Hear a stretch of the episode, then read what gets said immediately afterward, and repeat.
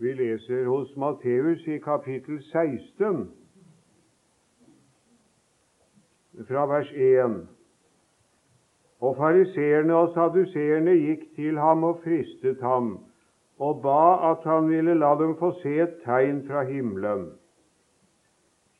Men han svarte og sa til dem, når de er blitt aften, sier I, det blir godt vær, for himmelen er rød. Og om morgenen i dag blir det uvær, for himmelen er rød og mørk. Himmelens utseende vet de å tyde, mens tidenes tegn kan de ikke tyde. En ond og utro slekt krever tegn, og tegn skal ikke gis dem uten Jonas' tegn. Og han forlot dem og gikk bort. Kjære Herre Jesus, nå vil vi be deg om din signing over stunden.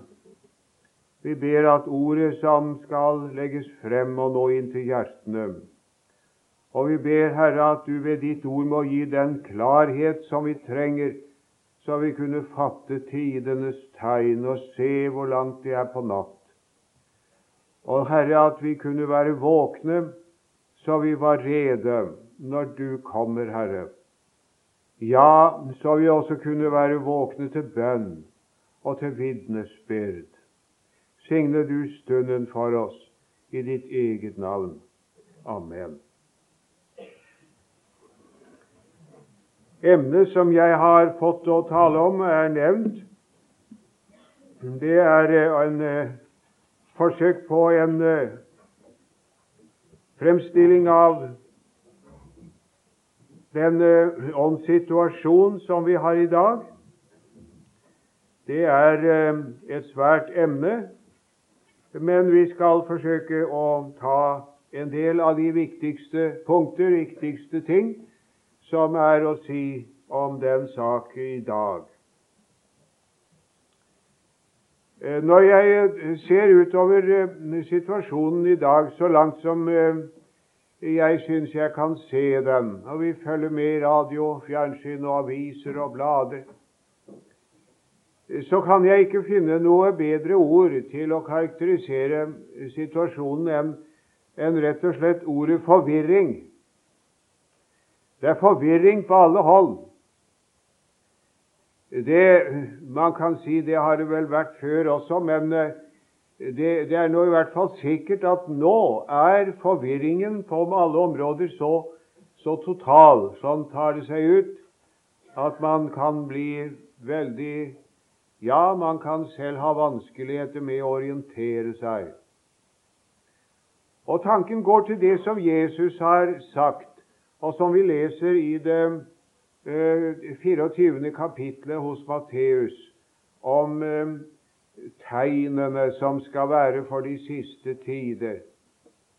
Jesus taler om hva som skal skje før han kommer igjen. Og det er jo også sånn som Ja, det han skildrer for oss der, er, er en menneskehet i forvirring. Det skal være krig og rykter om krig, sier Herren. Folk skal reise seg mot folk og rike mot rike. Ja, hva er det vi ser? Tenk på det århundret som vi lever i, 20. århundret, det blodigste av alle i menneskehetens historie. To grufulle verdenskriger har ødelagt så uendelig meget. Og siden 1945, da verdenskrig nummer to opphørte, så har det da vel knapt vært fred på jorden en eneste dag. Et eller annet sted har det vært krig hele tiden. Amerika har ført to store, blodige kriger. I Afrika synes det å være mer eller mindre krigstilstand permanent mange steder, og i Asia Ja, vi vet jo hvorledes situasjonen er. Krig og rykter om krig, og rike og folk reiser seg imot hverandre. Det er veldig, veldig alvorlig. Og Når vi tenker altså på det som skjer sånn i den politiske situasjonen, så kan jeg ikke annet enn eh, tenke på ordet av Jesus at for menneskene skal engstes i fortvilelse. Ja, det er vel i grunnen det som skjer. Menneskene er så engstelige, de er fulle av angst for, ja, for all verdens ting. For krig, for atombomben. Og man kan ikke nesten annet, man kan ikke nevne ordet uten at det går kuldegysninger gjennom, gjennom folk. Tenke seg om det skulle bli atomkrig, om himmelen liksom skulle eksplodere over oss, og så hele byer utslettes i et forferdelig lysblaff som de skildrer for oss forferdelig. Ja, menneskene engstes i fortvilelse. Og andre ting som vi er redde for, og som etter mitt syn ikke er mindre grufullt, fremmed herredømme. Hvor mange mennesker som i dag lever under fremmed herredømme, og som er derfor ufri i en tvangssituasjon, engstelig for å tale, tør nesten ikke tenke, ikke tilkjennegi hva de mener. For den som tenker og taler høyt og klart imot urett og undertrykkelse, blir Ja, vi vet jo hva som skjer så mange steder. En forferdelig situasjon som den arme menneskehet er oppe i. Menneskene engstes i fortvilelse. Jeg eh, skal ikke gå noe mer inn på det, men jeg kan ikke nevne dette uten også å nevne Israel. Vi har vel fulgt med med spenning, alle sammen, tenker jeg, de siste uker og måneder. Og det har vært mange som har bedt til Gud for mennesker som også der er i krig, og grusomme ting som har skjedd. Og vi som forsøker å se historien i Bibelens lys, vi kan jo ikke annet enn å tenke på profetier om dette folk som Gud utvalgte, og som han ikke har glemt. Han har jo ikke det. Det er jo dem som vil liksom stryke Israel av regnskapet. Det er ikke noe mer med Israel nå liksom mer enn med noe annet folk. Sånt sier en del og taler og skriver, teologer og andre. Vi har hørt og sett det i det siste.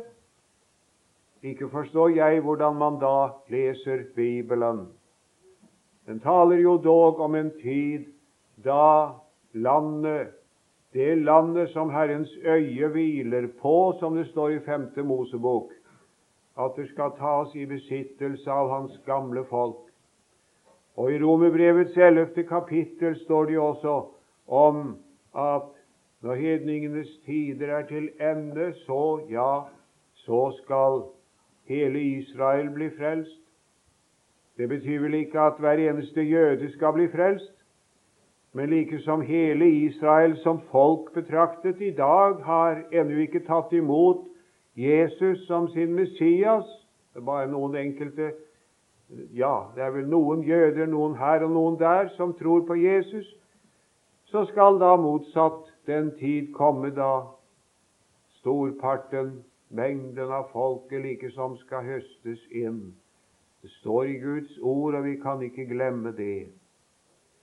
Og jeg hører ikke til dem som er så sikre at jeg tør si dag og årstall og dag og klokkeslett for profetienes oppfyllelse. Jeg tror ikke vi skal det. Men våkne, det skal vi være. Og når vi ser fikentreet skyte blad, ja, så blir vi glade midt i all trengsel og nød og takker Gud og ser oppad og venter på at Hans løfter skal oppfylles. Men det er ikke bare i denne store verden at det er forvirring. Det er, sånn politisk. Men eh, moralsk er det en forvirring i dag, også i den gamle kristenhet, som er helt forferdelig. Jeg må tenke på hva den tyske filosofen Friedrich Nietzsche har sagt. At hvis det ikke er noen Gud, sier han, da er det ingenting som er forbudt.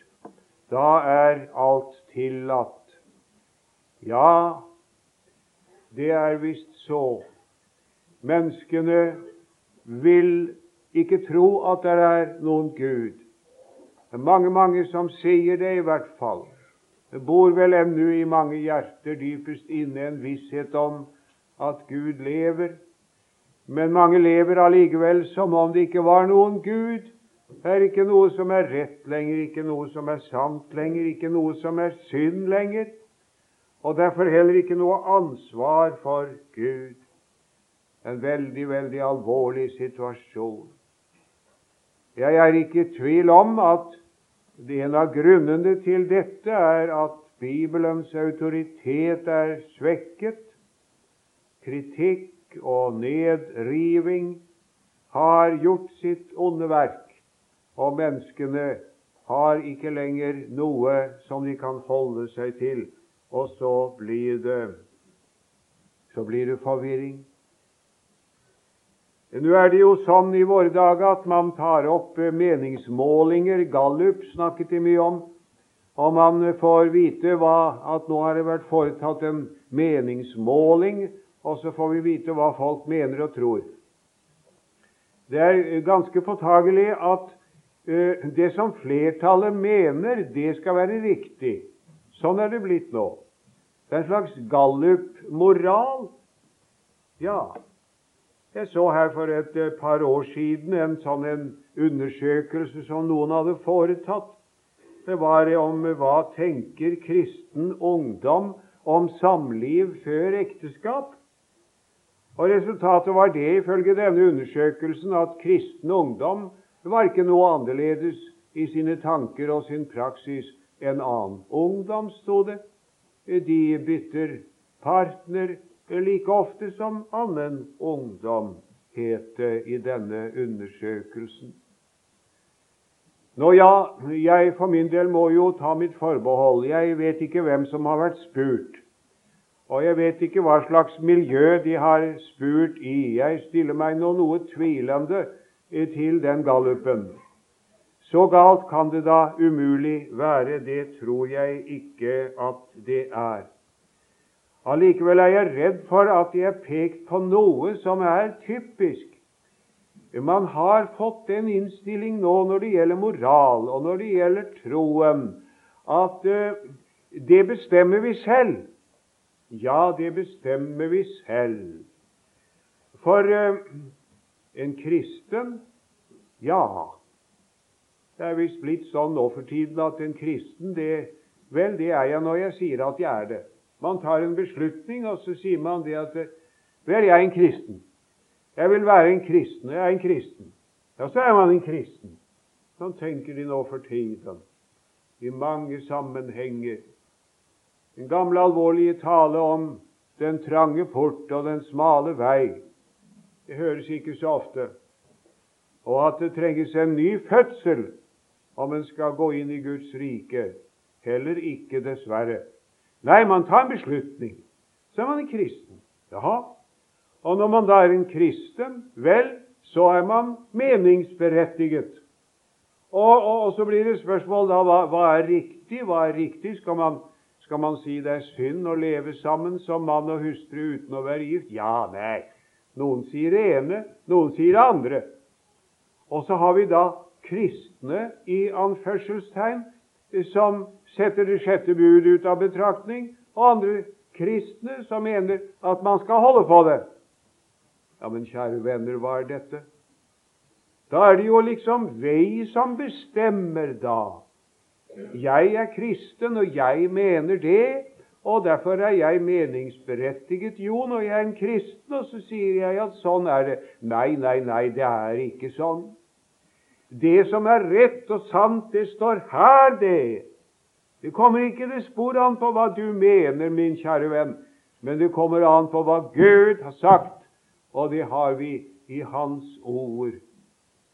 Men det er en forvirring, aldeles forferdelig, og begrepene er blitt så aldeles Ja, det er blitt så aldeles forvirret.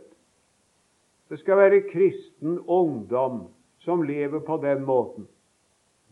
Jeg vil, og, og, og, og, så en annen ting som er så mye fremme, er så mye tale om i våre dager, som er uhyggelig.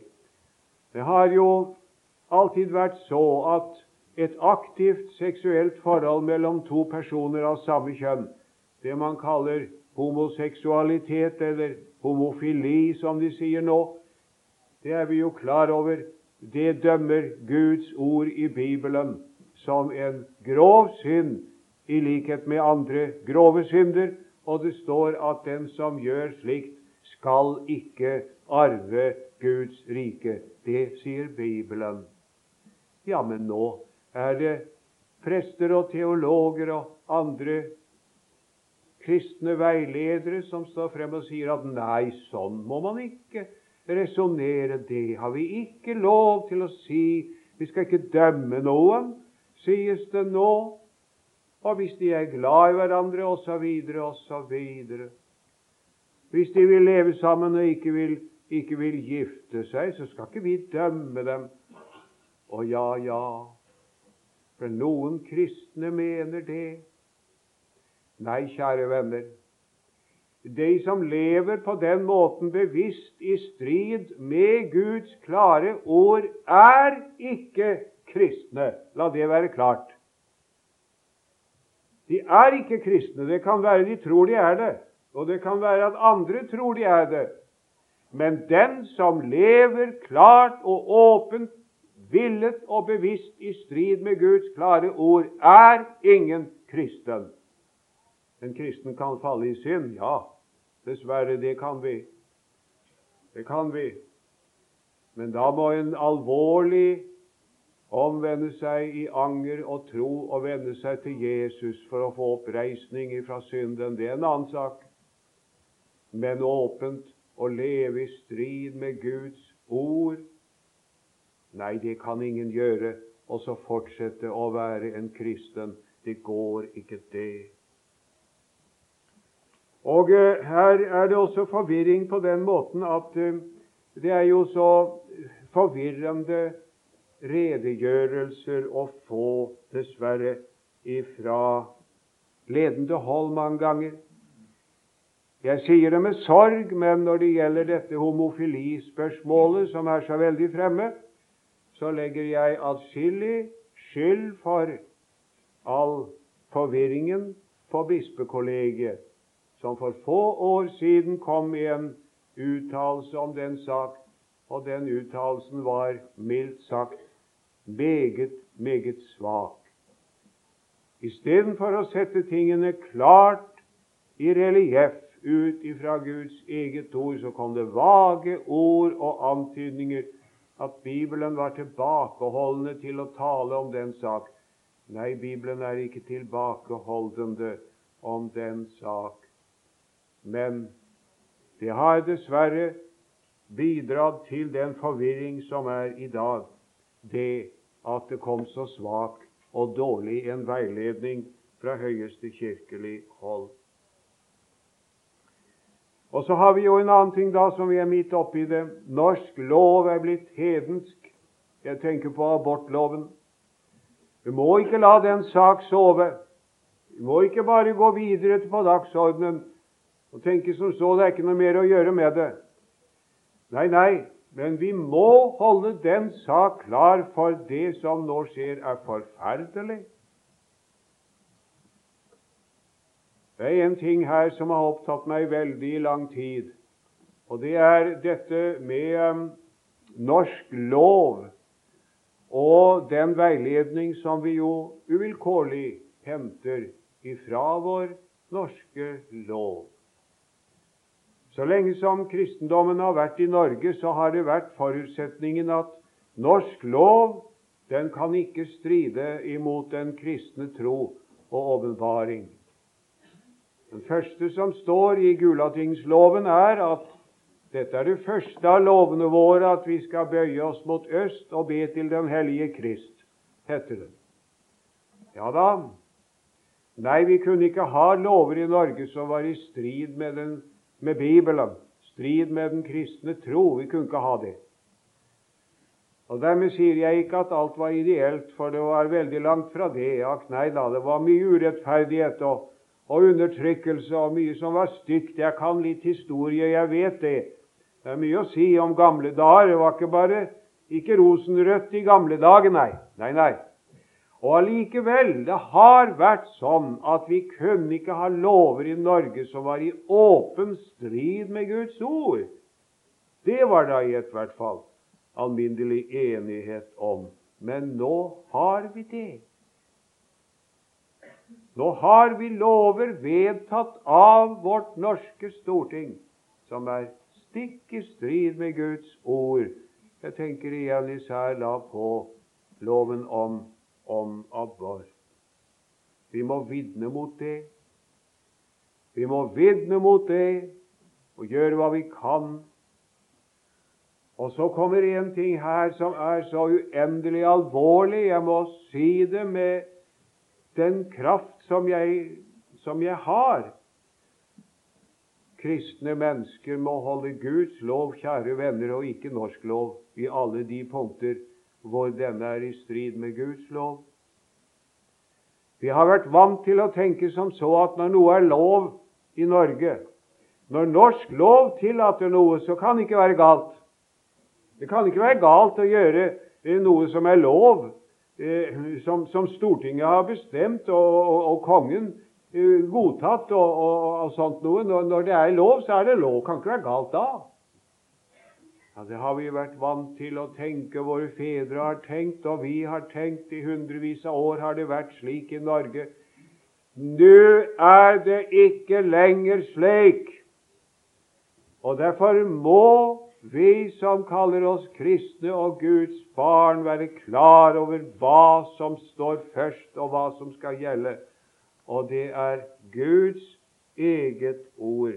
Det er det som skal gjelde og det er det vi skal følge. Det må ikke skje, det må ikke forekomme at man, den som kaller seg kristen, går hen og gjør noe som vel kan være lov etter norsk lov, men som er forbudt etter Guds lov. Og Jeg tror vi er på denne måten tilbake imot den tilstand som var i kristendommens første tid. For da gjaldt jo ikke Guds bestemmelser om sånne ting i samfunnet. Ikke her i Norge. Da kunne husfaderen bestemme at, at et barn han ikke ville ha, skulle settes ut i skogen. Så døde det. Dyrene tok det. Og sånn har det vært omtrent overalt. Eller å drepe barn i mors liv hvis de kunne det. Nå kan de det så lett. Det var ikke så lett før, men kunne de det, så hendte det at de gjorde det. Det var ikke noe galt i det, liksom. Men de kristne gjorde ikke det. Du kan lese de eldste kirkefedre, hvordan de skriver om den ting. Kirkefaderen Tertulianus, f.eks. Hos oss er alt felles uten våre hustruer, sier han. Hos dere er det omvendt, sier han til edningene. Vi setter ikke ut barn. Vi dreper ikke barn i mors liv, osv., osv. Og det var denne livsstil, denne livsførsel, denne livskvalitet hos de kristne som var det mektigste vitnesbyrd overfor hedningeverdenen i den eldste kristentid. Det, det må ikke bli sånn at de kristne blir som verden. Hvis de som kaller seg kristne, hvis vi som kaller oss kristne, blir lik verden i vår livsførsel i alle ting, så har saltet mistet sin kraft, og kristendommen vil forsvinne som en vannskvett på et trekkpapir. Du kan være ganske sikker.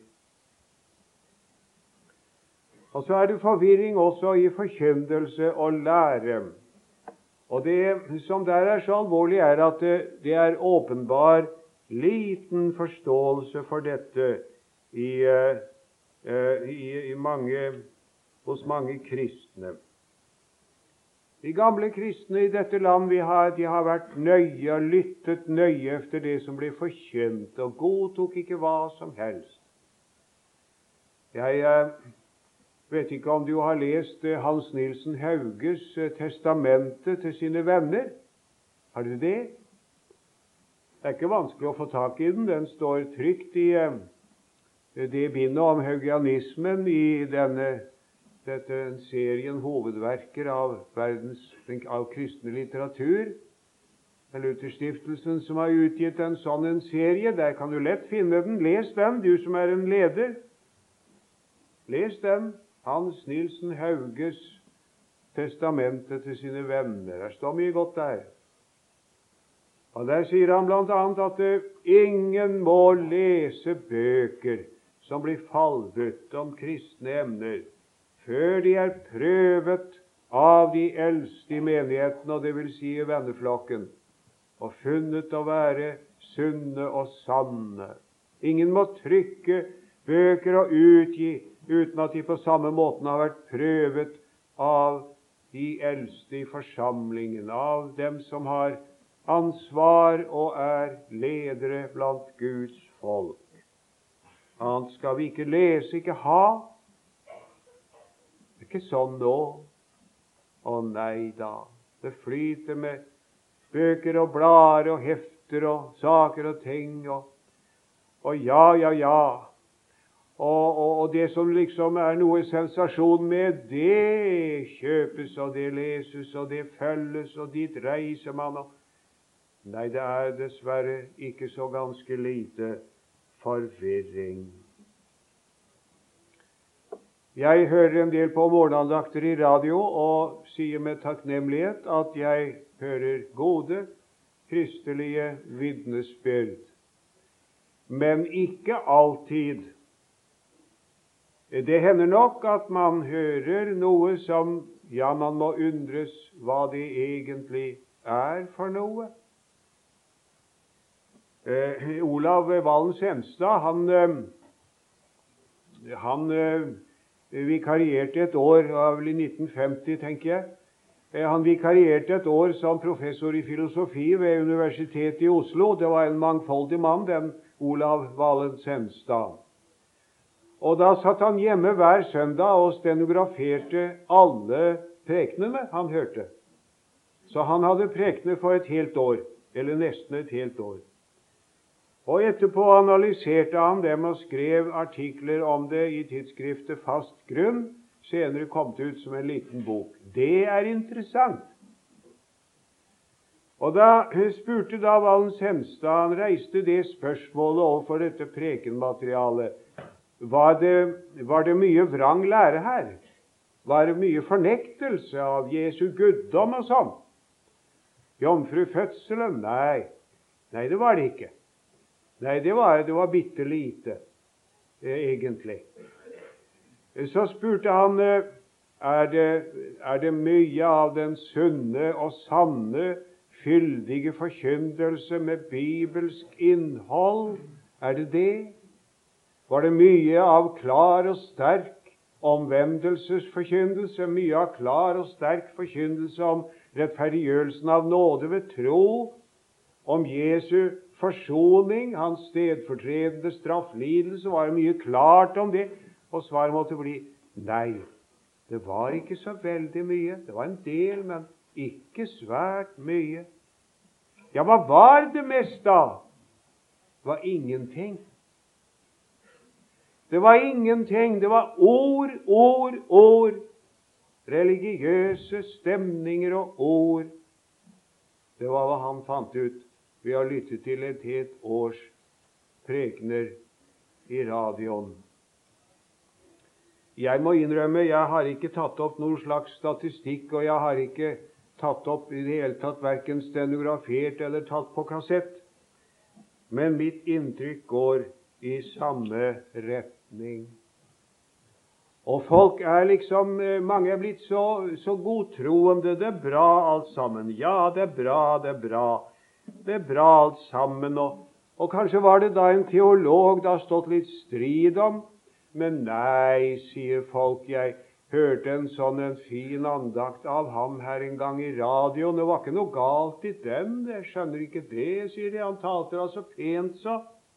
Og så er det ikke noe galt. Nei, eh, sa han noe riktig, da? Var det noe virkelig bibelsk budskap, da? Det må man jo spørre efter. Har forkynnelsen virkelig det budskap, det innhold den skal ha? Det er for lite det at den ikke er direkte giftig. Bananer er ikke giftige, men tenk om vi skulle leve bare av bananer. Brus og bløtkake og kransekake er heller ikke giftig. Men tenk om vi skulle leve bare av det. Da blir det dårlig med helsa. Nei, det skal skikkelig grovbrød til, og melk og annen sunn kost. Og Det er ikke noe annerledes med forkyndelsen. Den sunne lære taler apostelen Paulus om på et par-tre steder. Det sunne ord. Vi er veldig opptatt av det nå for tiden, og med god grunn. At maten vi spiser, skal være sunn. Den skal inneholde vitaminer og de riktige mineraler, og det lærer de nå heldigvis på skolen, og vi kan litt ernæringsfysiologi alle sammen. Og enhver husmor passer på at vi skal få grønnsaker. Ja, det er utmerket. Men passer vi like nøye på at ordet vi lytter til, er det sanne Guds ord? Blir det forkjøpt at ingen blir frelst og salig uten å gå gjennom omvendelsens trange port? Blir det sagt at det er en himmel og et helvete? Blir det sagt at porten er trang og veien er smal? Blir det sagt? Blir det talt det virkelige evangelium om frelsen av nåde ved tro, rettferdiggjørelsen av nåden alene, for Jesus skyld alene, han som tok vår synd på seg for at vi skulle få hans rettferdighet. Blir det talt om det? Ja, nei. Det, vi er liksom blitt så, så, så rådløse. Og hvis jeg skulle ønske noe virkelig her, så måtte det være for det norske kristenfolk at vi lærte å lytte efter hyrdens røst. Ja, det er det Jesus det er det Jesus sier jo. Jeg er den gode hyrde, sier han. Og jeg kjenner mine. Mine får hører min røst, og jeg kjenner dem, og de følger meg. Det er den sanne kristne kirke, det, sier Luther. Der har du alt sammen. Johannes 10, 27. Mine får hører min røst, og jeg kjenner dem, og de følger meg.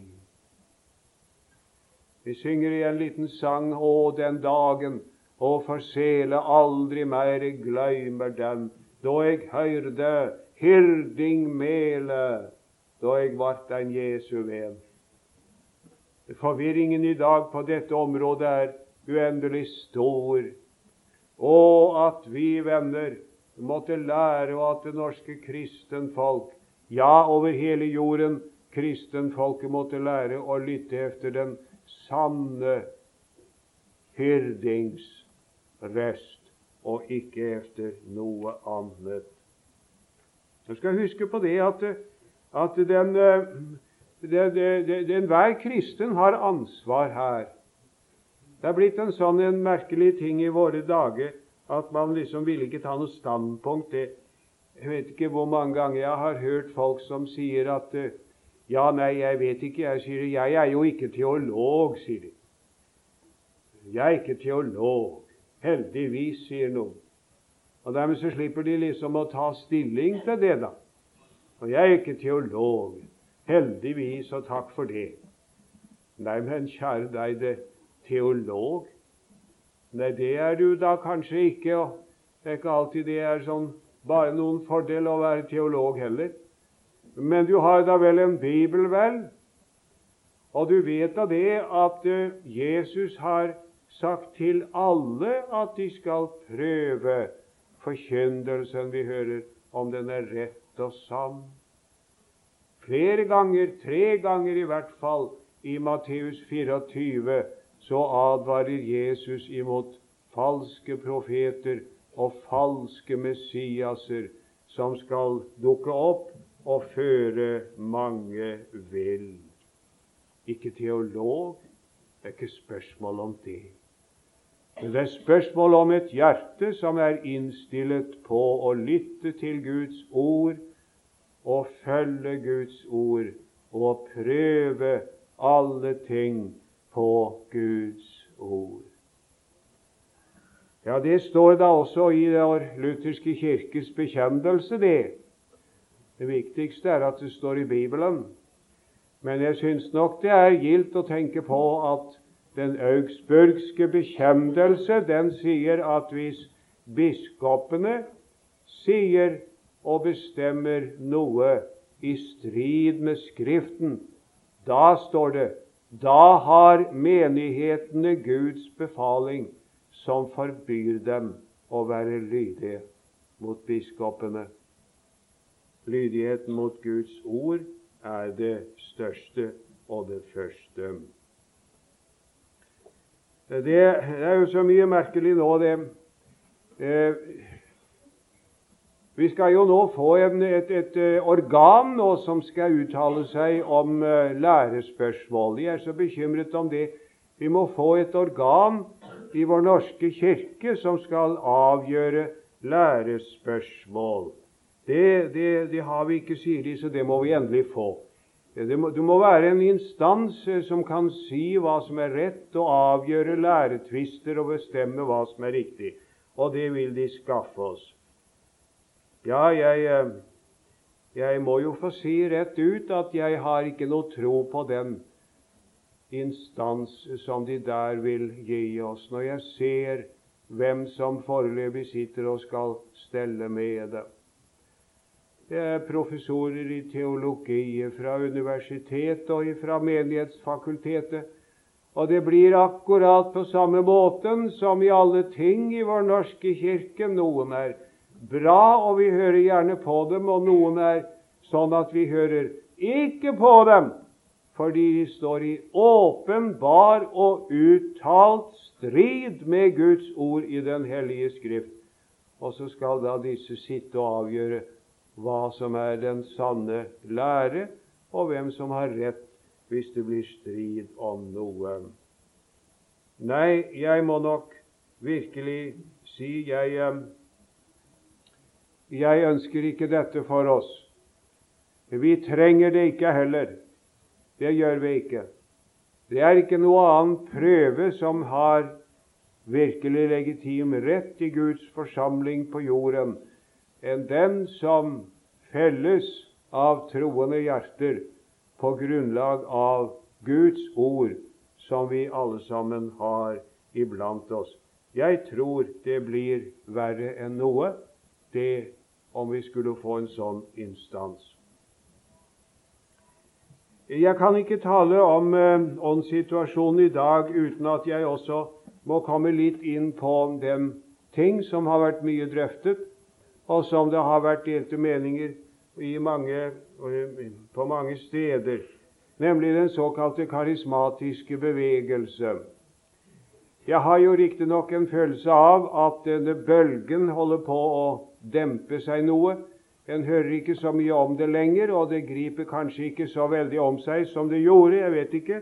Noen steder det fall, ser det i hvert fall ut til å, å å dempes en god del. Det får være som det vil.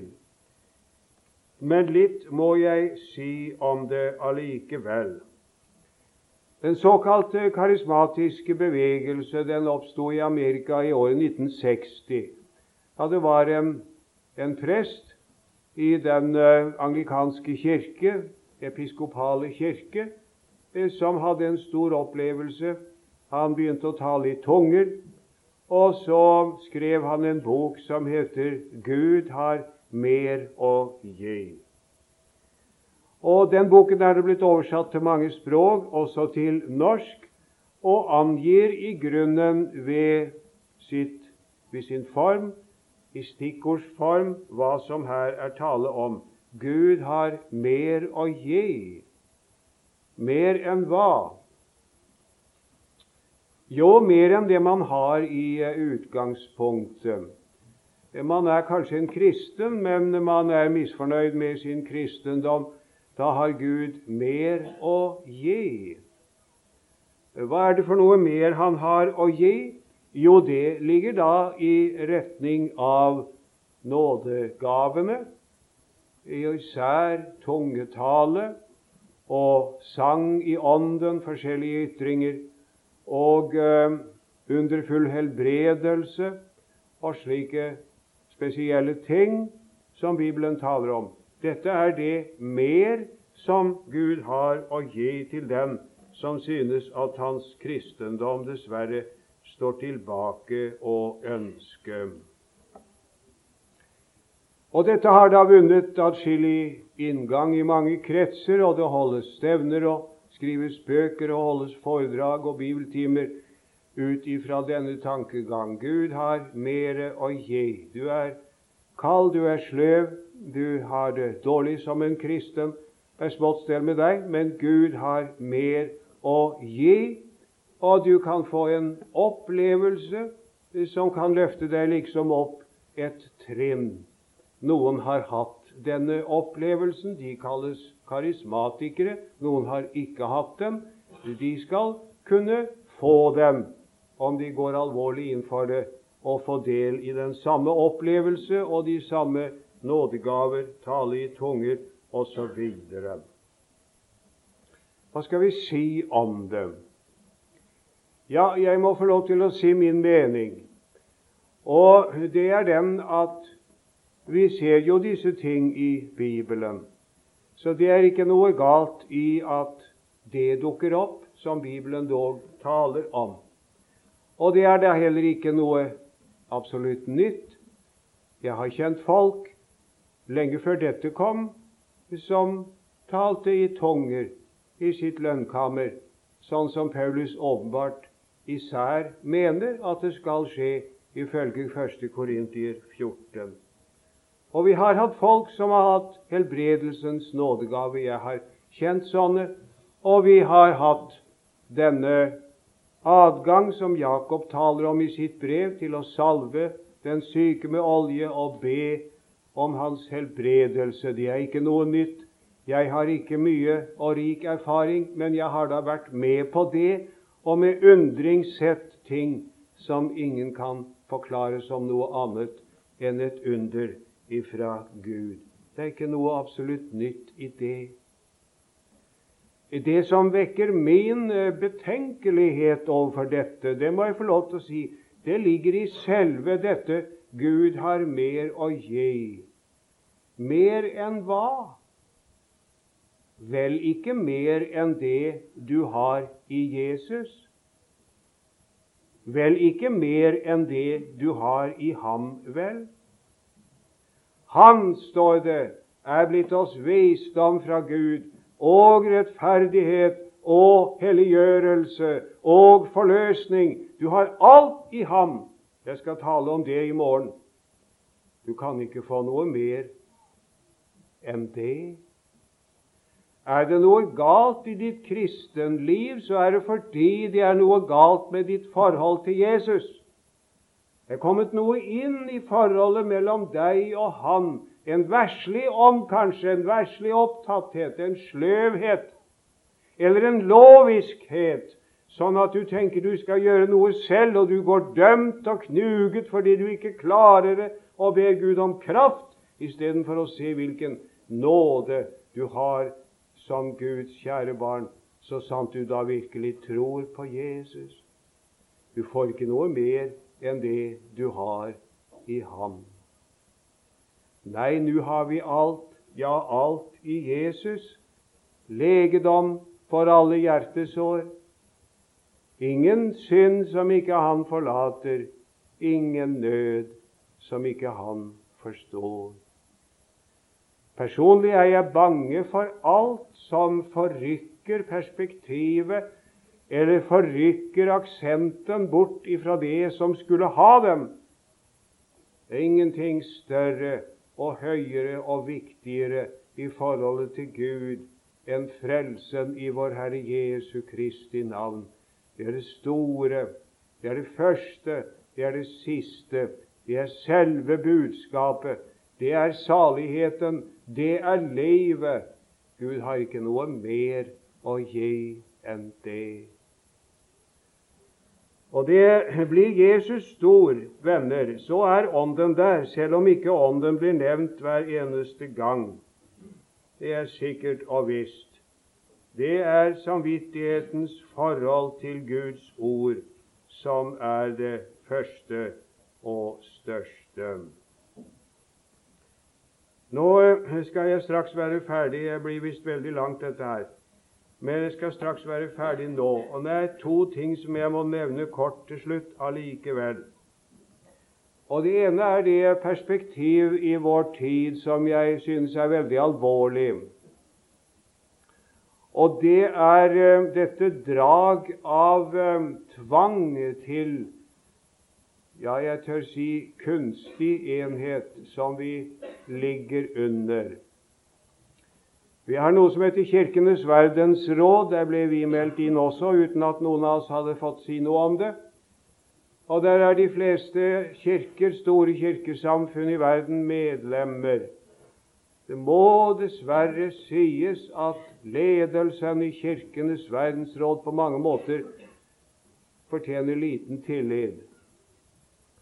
Det er mye politikk, lite kristendom. Mye iver for enhet, lite klarhet over hva enheten består i, i den sanne tro på vår Herre Jesus Kristus. Og vi har noe som heter Det lutherske verdensforbund. For øyeblikket er også de veldig opptatt av dette med enhet. Her holdes det diskusjoner og drøftelser og utgis eh, kommisjonsberetninger om forhold til katolikkene, f.eks. Og De forteller oss at nå er det sånn stor forandring blitt med katolikkene, så vi er praktisk talt enige om det meste. Og fordi vi er kommet så langt på vei, så skal vi begynne å praktisere enhet også med katolikkene. Men hva med paven, da?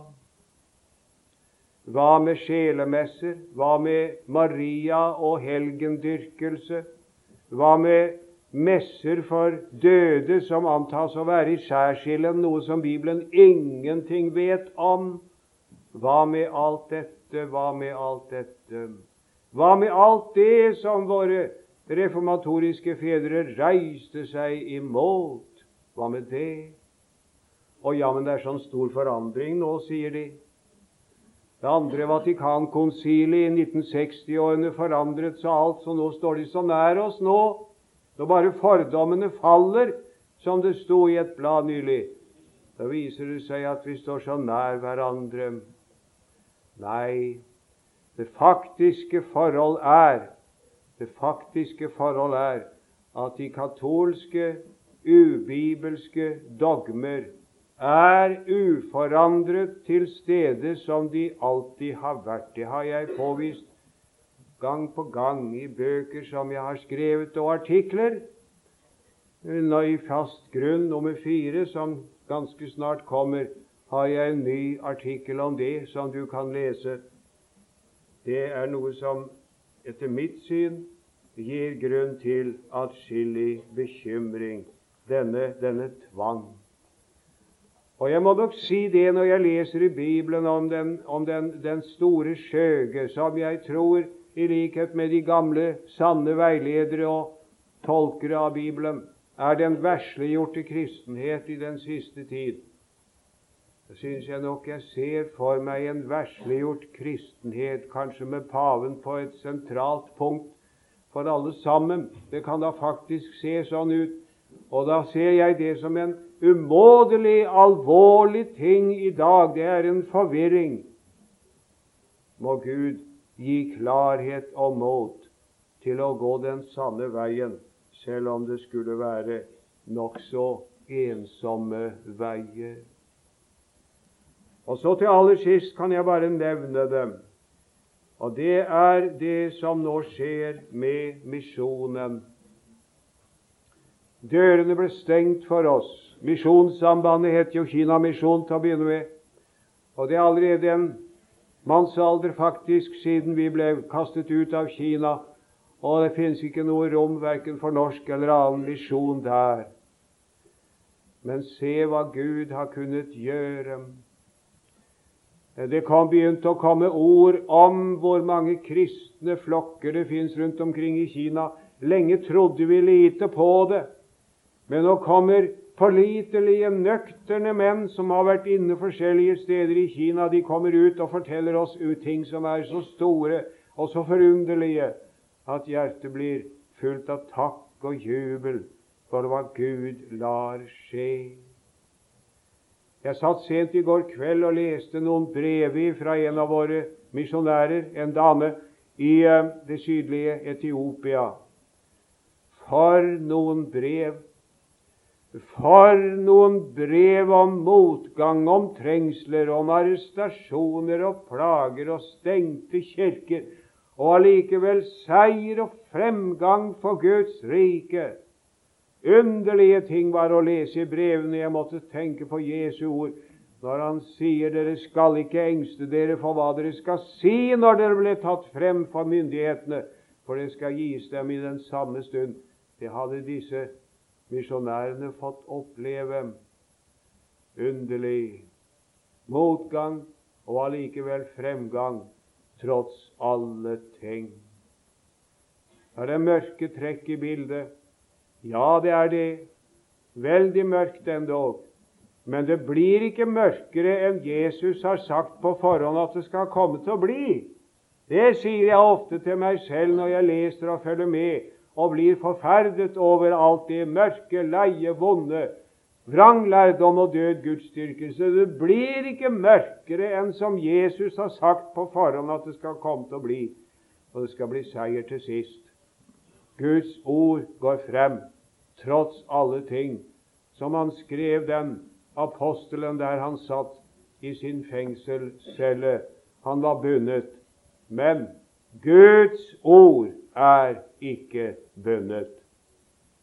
La høres kun det rop som går, at riket er lagt øde. Gud kroner like fullt sitt år med fruktbarhet og grøde.